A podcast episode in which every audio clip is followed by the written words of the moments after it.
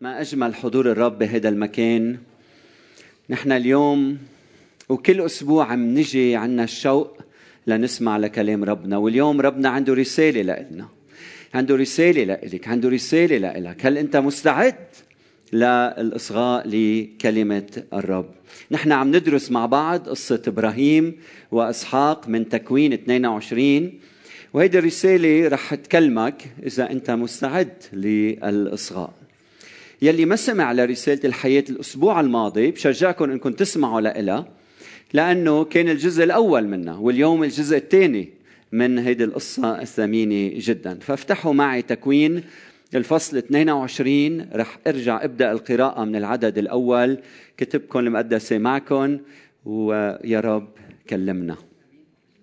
وحدث بعد هذه الأمور أن الله أن الله امتحن إبراهيم. فقال له يا إبراهيم بيعرف اسمك؟ آمين بيعرف أسامينا. فقال ها أنا ذا فقال خذ ابنك وحيدك الذي تحبه إسحاق صاحب المواعيد الإلهية واذهب إلى أرض الموريه وأصعده هناك محرقه على أحد الجبال الذي أقول لك. فبكر إبراهيم صباحا الطاعة الفورية. آمين. فبكر إبراهيم صباحا وشد على حماره الطاعة العملية وأخذ اثنين من غلمانه معه وإسحاق ابنه وشقق حطبا لمحرقة وقام وذهب إلى الموضع الذي قال له الله. وفي اليوم الثالث رفع إبراهيم عينيه وأبصر الموضع من بعيد فقال إبراهيم لغلاميه اجلسا أنتما هنا مع الحمار وأما أنا والغلام فنذهب إلى هناك ونسجد ثم نرجع إليكما. ودرسنا الأسبوع الماضي أن الرب علمنا من خلال هالآيات أن الله يباركك ويمتحنك والبركة الهبة الإلهية من دون امتحان في خطر إنها تتحول لعنة بحياتنا إذا ما في حياة مستقيمة امتحنت أمام محضر الله. كلنا بدنا ننتسب لإبراهيم.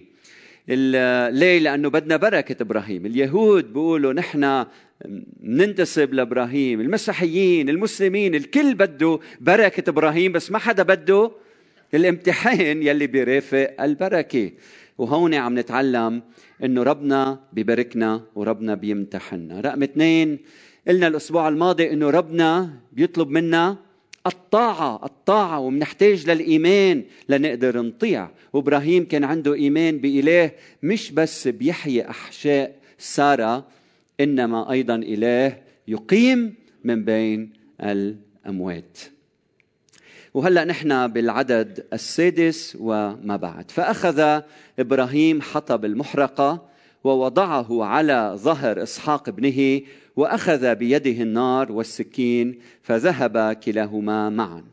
وكلم إسحاق إبراهيم أباه وقال يا أبي. فقال هانذا يا ابني. فقال هو ذا النار والحطب ولكن أين الخروف للمحرقة؟ فقال إبراهيم الله يرى له الخروف للمحرقة يا ابني.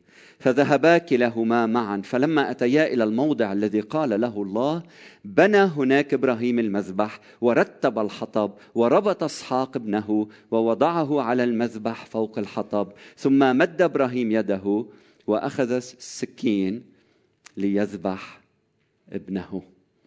وليبارك الرب هذه الكلمات إلى قلوبنا في صباح هذا اليوم. موضوعي هو الامتحان العظيم. واليوم رح اتناول القسم الثاني من هيدي العظة وكأنه في قسم ثالث جاي علينا الأسبوع المقبل. نعم أخوتي الله بيطلب منا الطاعة وعند الامتحان يكرم المرء أو أو يهان. فهالامتحان أيام بيكون صعب وإذا شي مرة أنت امتحنت من الله وسقطت تذكر كلمة الرب يلي بتقول لا تشمتي بي عدوتي إن سقطت أقوم فإذا سقطت مرة ارجع قوم إذا سقطت مئة مرة ارجع قوم وقل له للرب أنا بدي أعيش لإلك وبدي أطيعك كل أيام حياتي. الطاعة شغلة مهمة الامتحان الهدف منه هو أنه نطلع درجة بحياتنا الروحية نطلع درجة بسلم الإيمان. هدف الامتحان تختبر عناية الرب فيك. هدف الامتحان أنك تفهم بقى أنك لا تستطيع شيء من دون الله. وبيجي الوقت يلي فيه بتقول أستطيع كل شيء في المسيح الذي يقويني يقويني. فنحن اليوم باليوم الثالث بهيدي القصة وربنا هون عم يطلب طلب هالامتحان من إبراهيم ونحن هلأ باليوم الثالث وبنعرف كلنا إنه كل ما تقرب الساعة بتشتد المحنة وبيصير الاستسلام عم بيهددنا أكثر فأكثر. نحن هلأ باليوم الثالث إذا أنت عم بتصوم نص النهار شيء بس إذا عم بتصوم ثلاث أيام شيء ثاني ها؟ كل ما تجي هالساعة بتحد بيشتد الألم والوجع والتحديات وبتشعر إنك أنت على حافة الاستسلام. بالعدد السادس بيقول فأخذ إبراهيم حطب المحرقة ووضعها على إسحاق ابنه فبدي أوقف هون شوي. ليه؟ لأنه هيدا المشهد شفنا مثله قبل شوي. بالفصل 21 منشوف كيف إنه الآية 14 بتقول فبكر إبراهيم صباحا. ها؟ مثل ما هون بكر هونيك بكر. وأخذ خبزا وقربة ماء واعطاهما لهاجر واضعا إياهما وين؟ على كتفها. والولد يعني واضع الولد على كتفها وصرفها. فمضت وتاهت في بريات بئر سبع. فالموقف كان صعب بتكوين 21 شيء بيكسر القلب إنه يشوف إبراهيم كيف عم تطلع عم تخرج هاجر مع الابن الحبيب ابنها يلي هو إسماعيل يلي كان يحبه إبراهيم وكيف عم تترك البيت. كان شيء مؤلم. لكن هيدا الشيء المؤلم اجى من بعده شيء بعد مؤلم أكثر بكثير فهلأ نحن عنا مشهد جديد بيشبه المشهد اللي قبل منه لكن هلأ ما عنا سارة حاطة على كتفها إسحاق ورايحة فيه نحو البرية. هلأ في عنا إسحاق وعلى كتفه الحطب. فقادرين تشوفوا كيف صعبة إنك تحط إسماعيل على كتف أمه وتطلقها في البرية لكن أصعب بكثير إنك تحط على إسحاق الحطب. يلي بده يحرقه. فقادرين تشوفوا كيف آه، هيدي التجربة تصاعدية. هيدا الامتحان عم يصعب إلى أن يصل إلى ذروته وهيدي الحياة. أنت ما بتقطع باختبار واحد بالحياة. أنت بتقطع بسلسلة اختبارات سلسلة اختبارات وبتشعر إنه الألم عم بيزيد والألم عم بيزيد والتحديات عم بتزيد أحيانا. وبوسط هيدا الشيء كله لازم تعرف أن الله لا يدعكم تجربون فوق ما تستطيعون لأنه سيجعل مع التجربة المنفذ لكي تستطيعوا أن تحتملوا. تذكروا من كم أسبوع قلت لكم مش مهم حجم السكين ولا حجم المقص المهم الإيد يلي مسكته. فبوقت الامتحان خلي عينيك على الإيد. أوعى تطلع على الامتحان نفسه. شوف إيد الرب في كل ما يحدث في حياتك. بين هلالين بدي أقول إسحاق وضع عليه الحطب. والمفسرين اليهود عم بحكي التفاسير اليهودية بتقول إنه إسحاق وهو يحمل الحطب على ظهره يشبه رجلا محكوما عليه بالموت يحمل صليبه. وأنا بعرف شخص بحتاج لكل الأبدية لخبركم عن حبه يلي وضع الصليب على كتفه من أجل كل واحد منا ويوحنا الحبيب بيقول عن يسوع فخرج يسوع وهو حامل صليبه. ما أعظم حبك يا رب لنا لما نتأمل شو عملت يا يسوع كرمالنا ما فينا إلا ما نعطيك حياتنا وعمرنا كله. شكرا يا رب من أجل موتك عنا على عود الصليب. بالعدد السادس وأخذ إبراهيم بيده النار. النار والسكين الأمور الخطيرة بإيد مين؟ بإيد البي. معي انتو الأمور الخطيرة بإيد مين؟ بإيد البي. والحطب على كتف إسحاق فذهبا كلاهما معا. مشيا معا وحدهما. انفصلوا عن الآخرين. هلا هن مع بعضهم برفقة بعضهم البعض البي مع ابنه. طيب تصوروا المشهد. يا ريت فيني أنزل لتحت وخبركم كيف كان ماشي إبراهيم. وعم بفكر ثلاث أيام ماشي إبراهيم وعم بفكر شو كان عم بيقول؟ ما بيقلنا النص. بس أكيد أكيد اجى أفكار على ذهنه. شو مجنون أنت؟ لك مين بيقدم ابنه؟ لك شو بدك بهالشغلة؟ شو هالمصيبة؟ شو بتقلها لسارة بكرة لما ترجع على البيت؟ شو عم تعمل؟ كيف رح يطلع فيك ابنك؟ كيف بدك تقدر ترفع إيدك؟ كيف ممكن تقدم ابنك؟ فكان فكره ضده كانوا مشاعره ضده. أحاسيسه تجاه ابنه حبه لابنه هيدا ابني الغالي يلي اجى بوعد يلي بعشقه. أنا مستعد أعطي حياتي كرمال ولدي هلأ ولدي. أنا بدي اقدمه إرادته كانت ضده. لك إجر لقدام عشرة لورا. قادرين تشوفوا كل الحيل اللي وصل لها إبراهيم يلي ما بيقلنا إياها النص لكن طبيعية. لأنه كان إنسان بشر مثلنا مثل مثله. لكن يلي ميزه إنه هو تقدم بالإيمان. وهون الرفعة الروحية. لما توصل لمحل بحياتك تمتحن لدرجة إنك بتحط عقلك على جنب هلأ وإرادتك على جنب ومشاعرك على جنب وبتقول الإيمان اولا بحياتي الإيمان بيغلب العيان بحياتي. الله أعطانا عقل لنستعمله أعطانا قلب لنستعمله مشاعر لنستعملهم. لكن في مواقف بالحياة وفي حالات بنوصل لنا لها وبكون في امتحان قوي لدرجه إنك بتحس هلأ رح أمشي على الماء بالإيمان. علما إنه العقل بيقول لأ والعواطف بتقول لأ والمشاعر بتقول لأ. لكن بدي طيع سيدي وهيدا اللي عمله إبراهيم. من هيك منهنيك يا إبراهيم وصلاتنا إنه الرب يعطينا إيمان إيمان إبراهيم. هل بتعرفوا مكان واحد بالكتاب المقدس يلي في الله بيطلب ذبيحة بشرية من شعبه؟ ابدا. هيدا الشيء خارج عن المنطق. فامتحان إبراهيم شيء امتحان منه طبيعي منه عادي. يعني عم يطلب منه الله شيء غريب. هودي الآلهة بيطلبوا هالشيء نحكي عن هالموضوع لاحقا. لكن هيدا الامتحان صعب صعب. فإذا أنت عم بتمر بامتحان صعب لدرجة إنه مش قادر تفهم ليه ولا قادر تحس صح ولا قادر تستوعب اللي عم بيصير. كل شيء ضدك مشاعرك ضدك بتشعر إرادتك ما في شيء ظابط. بدي منك هلأ ما تستسلم. حط عينيك على الرب يسوع المسيح. سلوك بإيمان سلوك بإيمان. اتكل على الرب وجاي الخلاص جاي الخلاص. هلأ بتشوفوا كيف. فوسط الامتحان هيدا هو الدرس إذا بدك تاخذ شيء معك. وسط الامتحان مطلوب الطاعة قبل الفهم. ممكن تكتبها عندك وتحافظ عليها.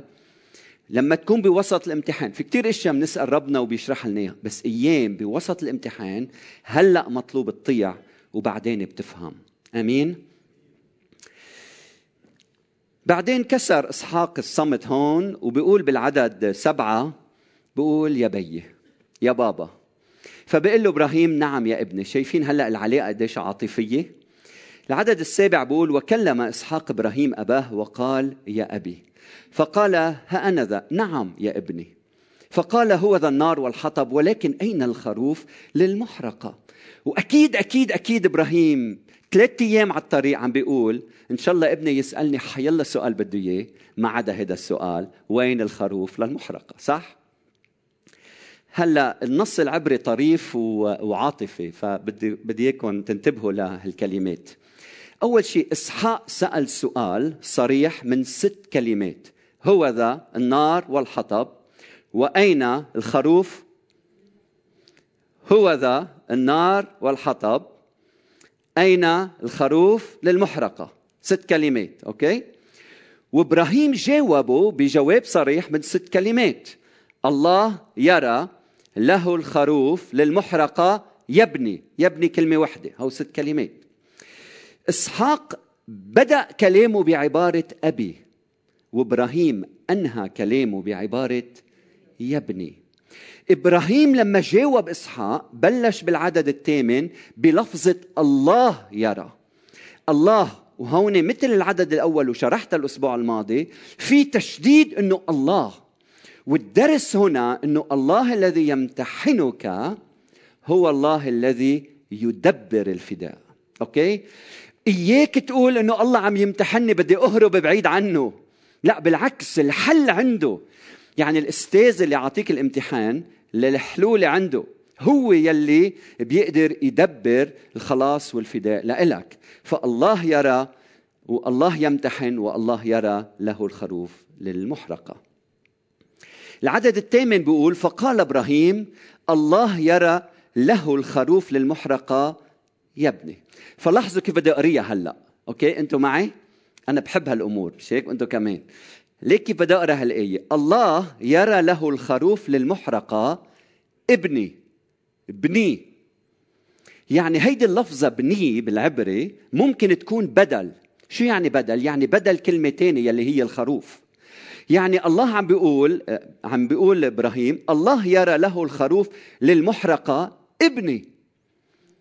أوكي؟ يعني هيدا يلي طلبوا الله منه. ما في يا بالعبري ابني وممكن تكون هيدي قلنا بدل يعني هيدا الشيء اللي الله عم يطلبه من إبراهيم. وممكن تكون للنداء. يعني الله يرى له الخروف للمحرقة. يبني هيدا الشيء اللي عم يتمناه إبراهيم. هيدي الصلاة إبراهيم. هيدي نبوة إبراهيم. هيدا رجاء إبراهيم. هيدا أمل إبراهيم. فشوفوا كيف إبراهيم ضايع محتار. ما بين مشيئة الله إرادة الله وحبه تجاه تجاه ابنه. فإبراهيم محتار وبنتعلم هون الطاعة قبل بعد مرة. الفهم الإيمان وسط الامتحان. الإيمان وسط الامتحان. ولما بتكون بوسط الامتحان بتقول مع المزمور 37 سلم للرب طريقك واتكل عليه وهو يدبر يجري يدبر هو يدبر. كالفن اللاهوتي بتعرفوه بذكرنا إنه هيدي الآية هي لكل واحد منا. تنتعلم إنه لما منكون في ريب لما تسكر الابواب بوجهنا لما كل شيء يكون صعب ومؤلم وكل شيء عم ينهار من حولنا نتذكر هيدي الآية الله يرى له الخروف للمحرقة. يبني يعني لما أنت تكون على حفة اليأس والانهيار الكامل علاقاتك مكسرة يمكن نحو الطلاق في موت ضايع محتار منهار خسارة كل شيء صلاتي إنه صوت الرجاء يهمس في كيانك وبقلبك يقول لك الله يرى له الخروف للمحرقة.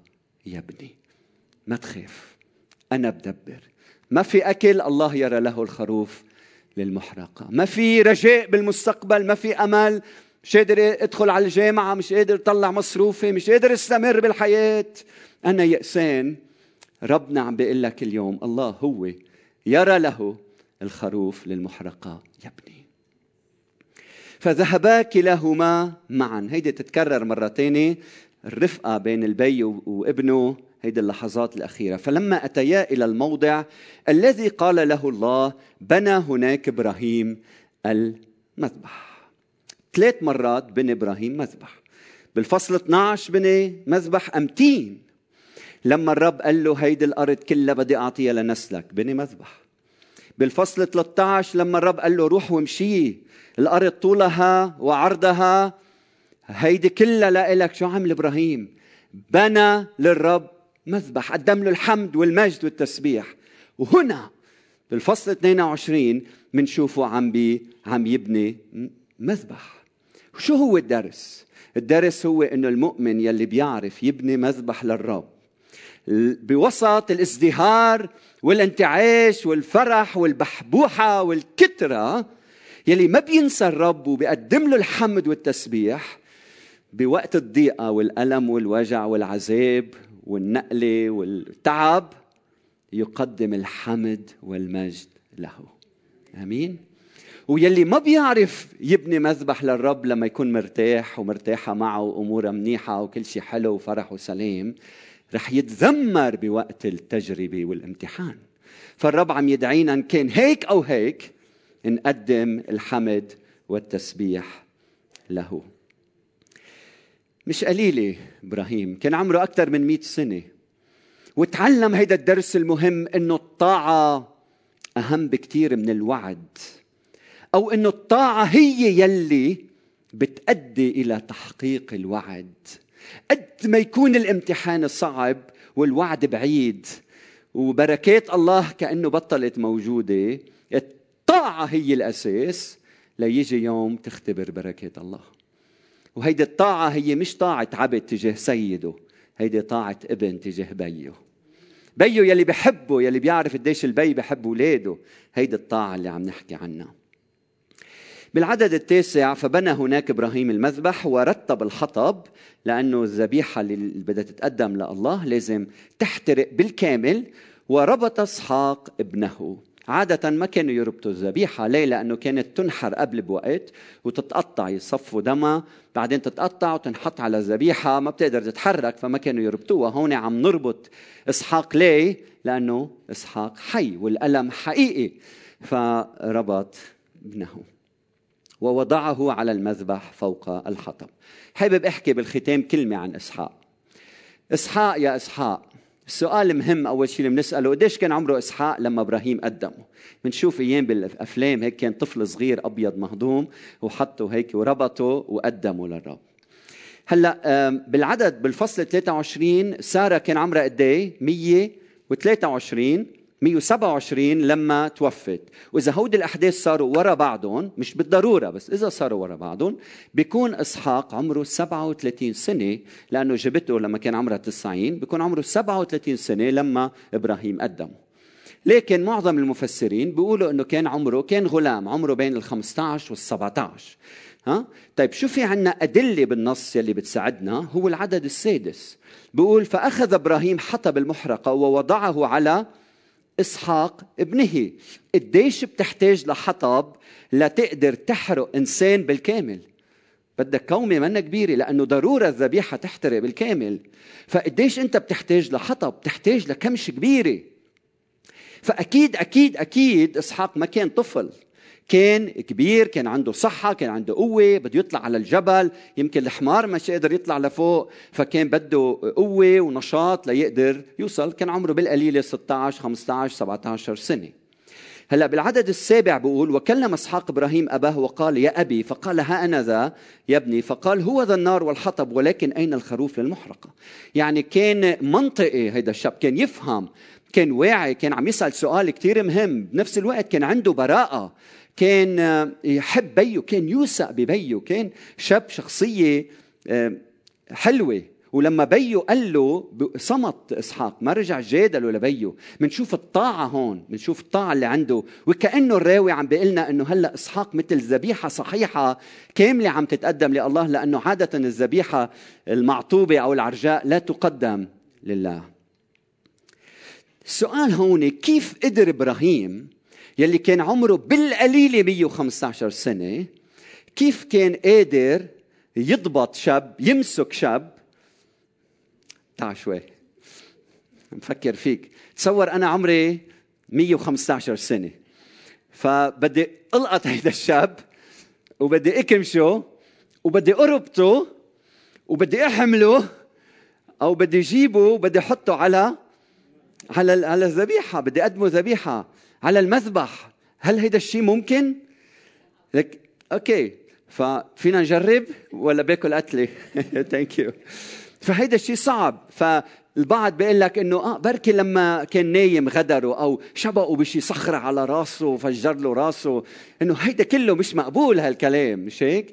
وما كان قادر يعمل له إبرة ينيمه. فلما بتفكر بهيدا الوضع هيدا تدرك تماما إنه إسحاق كان عنده خضوع لبيه واستعداد إنه يقبل هيدا الأمر من الله.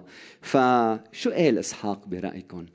إسحاق قال له لبيه أنت يا بابا يلي عشت قدامي كل هالحياة وشفتك قديشك أمين مع الله خبرتنا كيف ربنا ظهر لك وكيف أنا جيت بوعد وأنا شفت فيك يا بابا المحبة محبة للماما محبة لإلي حبيت الرب إلهك من كل قلبك وأعطيته حياتك وعمرك وهلأ أنت هون لأنه بدك تطيع الله وأنا بعرف أنت قديش بتحبني يا بابا.